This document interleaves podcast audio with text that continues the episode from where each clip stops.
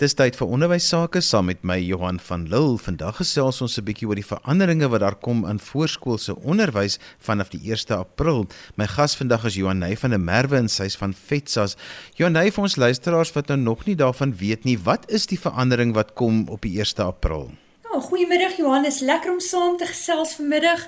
Johan, ek dink ook belangrik, almal het nou gehoor daar kom nou 'n groot skuif van ons vroeë kinderontwikkelingssentrums Dit het nog al die jare onder die departement van sosiale ontwikkeling ge, gefunksioneer en nou van 1 April af skuif alles na die departement van basiese onderwys toe. So daar is nou 'n bietjie verwarring en daar is nou baie vrae oor wat presies beteken dit nou vir ons vroeë kinderontwikkelingssentrums. Nou Johannes, ek dit dan nou gou vir ons 'n bietjie kan antwoord, is voorheen het het al die funksionering, die registrasie van die programme en die registrasie van die instellings, dit het alles onder die departement van sosiale ontwikkeling geresorteer. Maar nou met hierdie nuwe skuif en die oorneem daarvan deur die departement van basiese onderwys, gaan die onderwysdepartement nou eerstens die begroting oorneem vir vir ons VKO sentrums en daaroor is ons regtig opgewonde. Jy weet dit voel so half of die VKO is bietjie 'n afgeskeepte deel of area van die onderwys was. So ons hoop om te sien dat daar 'n bietjie groter belegging gaan wees in ons VKO sentrums met die oorneem van die begroting. Uh, dan nou natuurlik al die departement van sosiale ontwikkeling se personeel wat spesifiek uh, gewerk het met die registrasie van die instellings en met die programme. Hulle skuif nou almal oor na departement onderwys toe. So hulle gaan nou 'n bietjie kantore skoonmaak en hulle almal trek oor nou na 'n nuwe kantoor toe by by onderwys en um, ek moet sê dit dit sal ook 'n bietjie stabiliteit bring. Laat 'n ou, jy weet, daar is maar onsekerheid. Ek het nou met een persoon gewerk, met wie werk ek nou by 'n nuwe departement? Nee, want net om seker te maak, waar lê Graad R nou? Lê hy by vroeë kindontwikkeling en onderwys of lê hy alreeds by die skoolloopbaan? Johan op die stadium resorteer dit nog by vroeë kinderontwikkeling. Nou daar is ons ook nou 'n bietjie gesprekke van uh, die uh konsepwetsontwerp wat nou voor die parlement dien en um, ons ons hoop dan nou ook om om later in die jaar te sien dat dat vroeë kinderontwikkeling of die graad R deel wat by VKO geresorteer het dan nou ook verpligte onderwys gaan word vorentoe. En um, dit dit is 'n dis regtig 'n positiewe wat ons sien uit die uit die uh konsepwetsontwerp ontwerp dat graad R dan nou ook verpligte onderrig sal word. Um maar tans resorteer dit ook nog onder die departement van sosiale ontwikkeling. Nou ja, nee, wat is die impak hiervan vir mense wat speelgroepies het, wat kinders by die huis oppas, al daai dinge wat ek dink almal van hulle hou nou hulle harte vas. Dis reg. Uh, uh, weet jy uh, Johan, as ons nou kyk spesifiek eerstens net kyk na die skuif wat plaasvind, die skuif gaan hulle nie regtig beïnvloed nie, want ons weet, jy weet dis eintlik maar net 'n posbus wat nou verander. Waar ons met departement sosiale ontwikkeling gesels het, gesels ons nou met die departement van onderwys. Wat wat betref die verandering dat graad R moontlik verpligte onderrig kan raak. Dit kan dalk 'n bietjie invloed hê vir ons vir ons kleiner onafhanklike skooltjies wat die juffrou by haar huis dalk nou het. Um want daar kom nou nou met met met die uh, verpligting van graad R as verpligte onderrig kom daar sekere voorskrifte daarmee saam. So daar's dan nou 'n kurrikulum waaraan voldoen moet word. Die persone wat daai uh, graad dan nou onderrig moet aan sekere onderwyskwalifikasies voldoen. So daai juffrou wat nou by haar huis werk, gaan nou moet kyk of gaan sy nog kan voldoen aan die vereistes vir vir graad R of gaan sy dan nou wegdoen met die graad R en net die jonger grade dan nou ehm um, van haar klein skooltjie af uh voort mee gaan. Jonayse, wat was die aanloop vir hierdie skuif geweest want ek moet sê tydens die pandemie het mense eintlik baie bewus geraak daarvan dat dit in twee verskillende departemente het want dan was die skole sê nou maar oop maar dan hoe wag ons nog om te hoor van die kleintjies so wat is die aanloop? Ja, Johan, dit was maar nog al die jare die VKO's was so half die weeskind van onderwys gewees. Waar ons gesien het waar daar eintlik 'n groot behoefte is dat ons regtig moet omsien na daai kinders dat ons moet kontrole toepas oor die kwaliteit van onderrig en die kwaliteit van die kurrikulum wat daar ehm um, wat ons vir daai kindertjies gee. En dan nou natuurlik die groot verwarring tussen wie is nou verantwoordelik vir die regulering van die VKO's. Net soos jy genoem het, tydens COVID tydperk het departement onderwys regulasies uitgevaardig en jy weet departement sosiale ontwikkeling het eenvoudig net teruggesit en niks gedoen nie. Soveel sodat daar 'n hofsaak moes gebring word om om die departement te verplig om regulasies of direktiewe uit te vaardig om daai sektor dan nou ook te reguleer.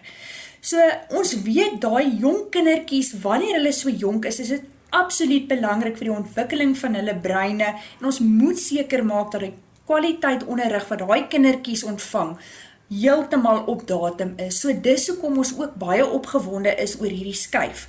Want ons gaan nou regtig sien dit resorteer nou oor onder onderwys en dat daar regtig kontrole uh, toegepas kan word en regtig gekyk word dat daai sektor op standaards uh, funksioneer soos wat ons graag sou wou sien. My vraag is, het die onderwysdepartement die kapasiteit om hierdie aan te neem aan die een kant en aan die ander kant is mense wat jy aanstel by departement van maatskaplike werk, uh, is 'n ander tipe van persoon as wat jy by vir die, by die departement van onderwys sal hê. So hoe werk daai dinge? Hoe kom dit bymekaar? Ja, weet jy, ehm um, Johan, ons ons hoop daarin en ons vertrou en die terugvoer wat ons kry is is dat binne die departement basiese onderwys dat hulle regtig die kundiges ingetrek het om hulle te adviseer ten opsigte van die verskillende aspekte um, van die VKO. As ons byvoorbeeld dalk nou net gou-gou kyk na ehm um, jy weet die skoolvoedingsprogramme en en daardie sosiale behoeftes wat daar dalk is, in sekere gemeenskappe by daardie klein skooltjies. Ehm um, weet is dit daarom gerus om te weet jy weet daardie ekspertise is daar om te kyk watter deel van ons begroting gaan ons daarvoor aanwend. Ehm um, dan nou weet ons ook beplan die departement daarom nou ook om ehm um, jy weet bietjie poste te skep veral hierdie hou weer spesifiek nou net weer verband met ons graad R. Maar daar word beplan om om voorsiening te maak vir graad R onderwysposte. Ehm um, daar word gekyk na die begroting spesifiek vir daardie poste. En dan nou dink ek die belangrike ook is as ons kyk na die kurrikulum, uh die die ontwikkeling van die CAPS kurrikulum, word die nodige uh experts ingetrek om regtig te gaan oordeel, maar dit wat ons nou die kinders onderrig, spreek dit regtig tot die behoeftes van die jong kinders van daai spesifieke ouderdom en um ja, so ons sien ons sien regtig positiewe ontwikkelinge dat daar gepraat word met die nodige experts en dat daar wyd gekonsulteer word ook. Um ons weet onder andere dat dat daar met die vakbonde gekonsulteer word, met beheerliggaam organisasies gekonsulteer word in hierdie hele proses om die insaag te kry en seker te maak dat ons nie ergens iets mis nie. So in in daai opsig dink ek lyk dit redelik positief met die oorneem deur departement basiese onderwys. Ja nou, hoekom het dit oorspronklik in maatskaplike ontwikkeling geval? Wat was die rede hoekom dit spesifiek daar was en nie by departement van onderwys nie? Jy sê, ehm um, Johan Jong, dit omdat dit nog nooit gekwalifiseer of geklassifiseer was, ehm um, soos ons ons skolewet ehm um, onderwys definieer nie. Ehm um, die die skolewet spraak of spreek pertinent daartoe dat verpligte onderrig is van eh, van die uh, graad 1 af of wanneer 'n kind uh, eh, 6 jaar of ouer is dat daardie kind uh, geregtig word of skoolpligtig word um, tot tot en met die datum wanneer daai kind dan nou graad 12 verlaat. So wanneer ons kyk na na die regulering in terme van die skolewet, was dit maar nog altyd gewees dat weet ons kyk maar net na verpligte onderrig en wanneer ons kyk na die kind se realisering van sy of haar reg tot onderrig. Ehm um, en dan is dit maar nou net daai fases van graad 1 tot en met graad 12. So, jy weet en en ehm um, ja, ons ons VKO se het eers baie later aan die lig gekom eintlik hoe belangrik eh uh, die die ontwikkeling van die kind op so vroeë ouderdom en so vroeë stadium is. So dit het toe nou agterweë gebly dat dat ECD eerder as 'n as 'n sosiaal-maatskaplike ehm um, ook ook nie net 'n probleem noem nie 'n geleentheid gesien word in plaas daarvan om dit onder departement onderwys te plaas. As jy sopas ingeskakel het, jy luister na ons in die onderwys saam met my Johan van Lille. My gas vandag is Johan Hey van der Merwe en sy's van FETSA se regsafdeling. Ons praat 'n bietjie oor die verandering wat gebeur in voorskoolse onderwys vanaf die 1 April. Johan Hey, die wetgewing, die proses, waar trek ons in die proses? Wat is aan die gebeur en hoe gaan dit ook dan nou gebeur na die 1 April? Wat moet nou eintlik gebeur? Ja, Johan, nou ehm um, die president het reeds die aankondiging in die staatskoerant gemaak. Uh daai aankondiging het al reeds laas jaar gemaak, so ons weet die regsproses vir die oorskuif is is reeds voltooi. So, jy weet daai aankondiging is gemaak en ons weet 1 April is nou die datum ehm um, waarop die skuif dan nou uiteindelik sal plaasvind. Ehm um, die uh, nasionale departement sien ons kommunikeer dan nou ook op gereelde basis ehm um, via sulke kort kennisgewings op hulle sosiale media om net te noem wat word oorgeneem, wanneer word dit oorgeneem uh, en so voort Johan. So jy weet wat ons nou al gesien en gehoor het is dat daar daar het al breeds baie van die funksies wat 'n departement basiese onderwys dan nou al reeds begin verrig het. Ehm um, dit dit het dan nou onder andere ingesluit 'n bietjie beplanning, kyk na begrotings vooruit, ehm um, bietjie beplanning aan die kurrikulum, jy weet bietjie oppak van kantore en en oorskuif. En dan kan ek dalk ook net terloops ook noem, ons weet baie van die van die personeel wat wat in diens is van die wat in graad R poste of of by in VKO poste dien, ehm um, daardie ouens is ook reeds al die versekering gegee dat daardie vir hulle enige veranderinge sal wees nie maar dat daai ouens eenvoudig sal voordien in die poste wat hulle reeds indien. So ja, so soos ons sê, dit dit lyk dat dat die die funksionering en die en die funksies is reeds oorgeneem uh deur departement basiese onderwys, um, maar daar op hierdie stadium regtig net 'n verandering van 'n van 'n posbus gaan wees vir ons vir ons voor 'n eh, VKO sentrums en um, dat die funksionering soos deur departement sosiale ontwikkeling plaasgevind het nou eenvoudig net sal voortgaan. Jonay, wat is die implikasies dat as graad R dan verpligtend word? Verander die ouderdom waarop 'n kind skoolpligtig is aan die een kant en verander die regulasies dan ook dat iemand wat graad R gee dan ten volle daarvoor opgelei moet wees? Dis heeltemal reg Johan, dit is waar waarheen die, die departement werk. Ehm um, nou van die positiewe aspekte wat ons daar uit gekry het, eerstens is dit jy's heeltemal reg, die die skoolpligtigheidsouderdom word dan nou uh, met 'n jaar vervroeg. So ons het definitief nou sien dat kindertjies van vroeër af gaan begin skool gaan, definitief dan nou van graad R af begin skool gaan. Ehm um, ons hoop dan nou ook om te sien en dit is ook wat ons hoor in die pipeline is dat daar 'n formele postevoorsieningsmodel saamgestel sal word spesifiek vir graad R. Nou kan dalk net terloops noem die behoefte is 25000 klasse wat daar gestel moet word vir graad R. Um op hierdie stadium het ons eintlik 'n reuse tekort aan graad R opvoeders. Tans in die stelsel is daar net 7900 opvoeders wat voldoende gekwalifiseer is.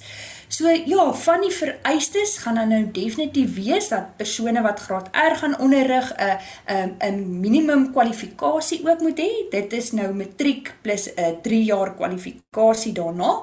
Ehm um, in die onderwysterme praat hulle van 'n 'n NQF 6 kwalifikasie. So ons ons ons sien dat dat daar hierdie veranderinge wel gaan plaasvind en en uh, dat dat daar wel strenger vereistes ingestel gaan word om seker te maak dat ons daai graad R leerders ordentlik kan diens.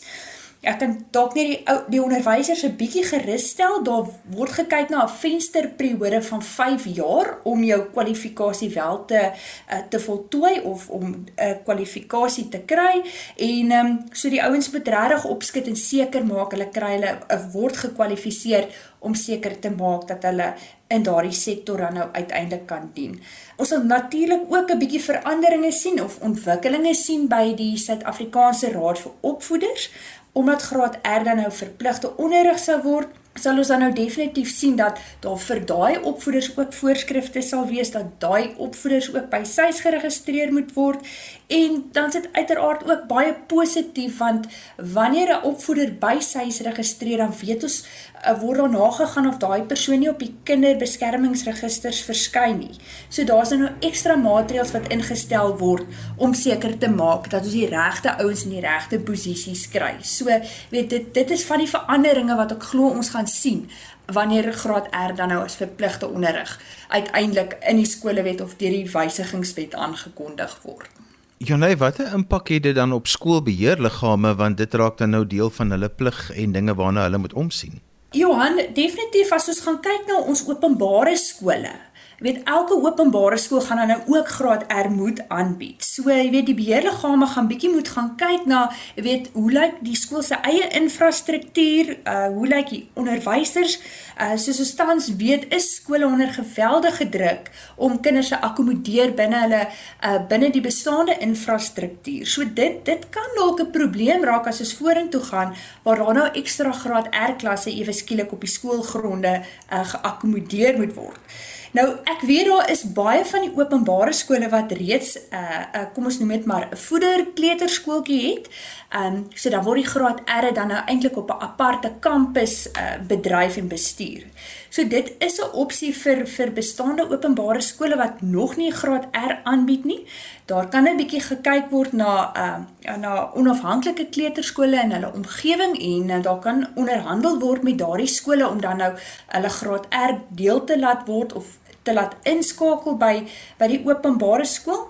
Dan moet ons dan nou ook onthou uh sodra kind dan nou toegelaat word tot graad R, um is daardie kind dan nou outomaties 'n toegelate leerder tot daardie daardie ehm uh, 'n laerskool. So daardie kind gaan dan nou nie weer hoef aansoek te doen vir graad 1 nie. Daai kind gaan dan nou outomaties dan nou net vorder die volgende jaar as hulle die graad slaag tot tot 'n graad 1. So ek dink dit is ook baie belangrik vir ons onafhanklike kleuterskole om ook so bietjie te gaan sit en te gaan dink, maar ter wille vir ons eie voortbestaan, moet ons nie dalk ook oorweeg om te skakel aan 'n 'n laerskool nie. Uh want ek bedoel dit is tog maar net logies dat 'n ouer gaan sy kind inskryf by 'n skooltjie waar jy weet hy klaar 'n uh, plek het tot 'n graad 1.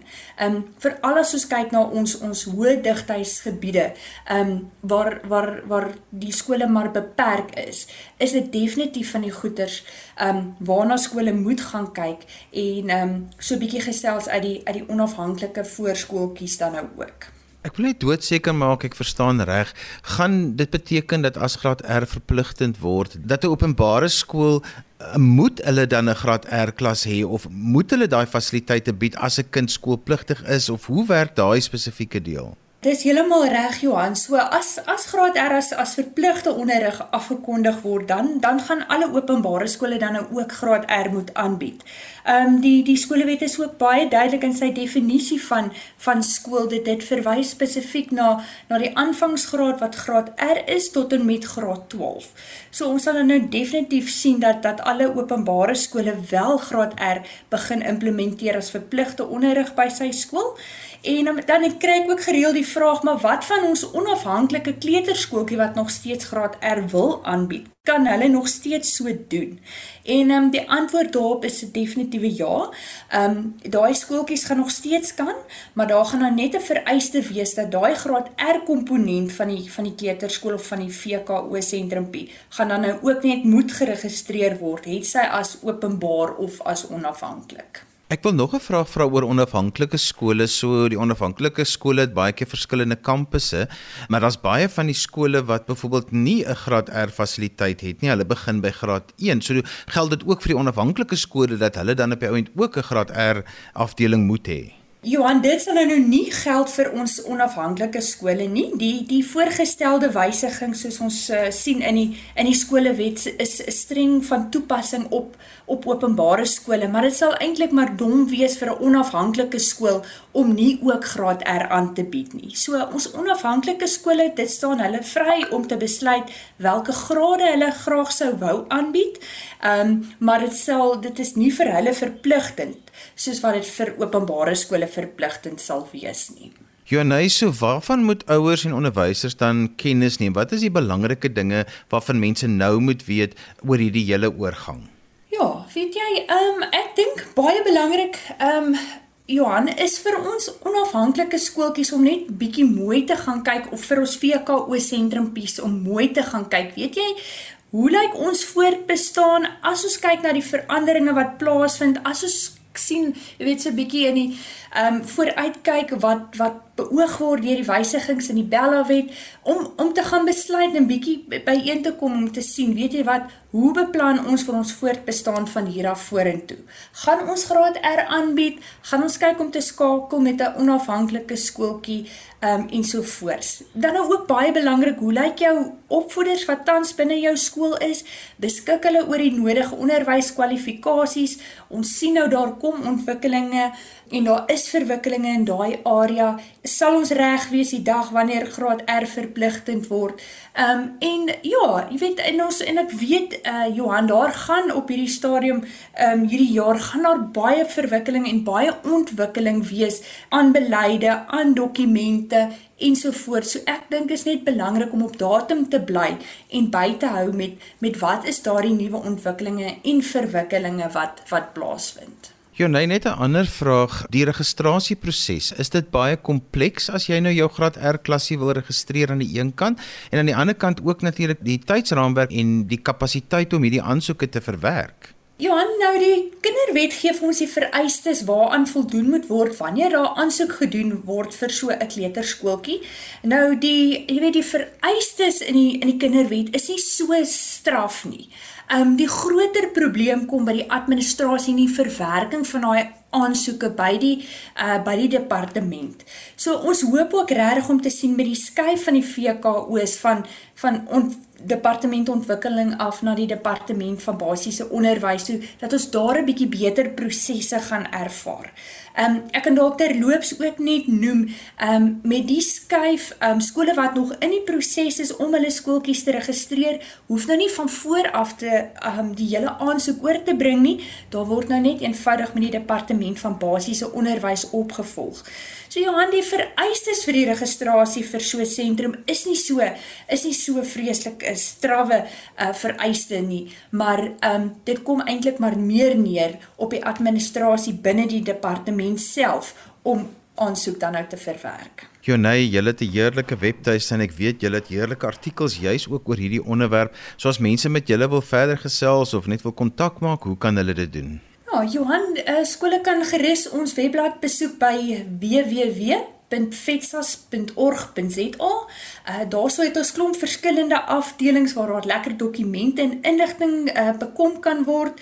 Op die landingsblad is daar sommer altyd die nuutste nuus oor die onderwys sal jy op daai eerste bladsy kry en dan nou natuurlik al ons kontakpersone binne Fetsas is ook beskikbaar op, op ons FETSAS webblad. So skole wat 'n navraag het, kan gerus 'n bietjie gaan loer op die webblad wie doen diens in jou provinsie en daarso sal jy al die inligting en al die kontak besonderhede kry. En so gesels Johanay van der Merwe en sy's van FETSA se regsafdeling. Ons het vandag gesels oor die veranderinge wat aan voorskoolse onderwys gaan kom vanaf die 1 April en ons het ook bietjie gesels oor as graad R dan verpligtend word, wat is die impak wat dit gaan hê. Onthou jy kan weer na vandag se program luister as 'n potgooi, laai dit af by berriesgep.co.za. Skryf gerus vir my 'n e e-pos by Johan@vjc.co.za. daarmee groet ek dan vir vandag tot volgende week van my Johan van Lille. Totsiens.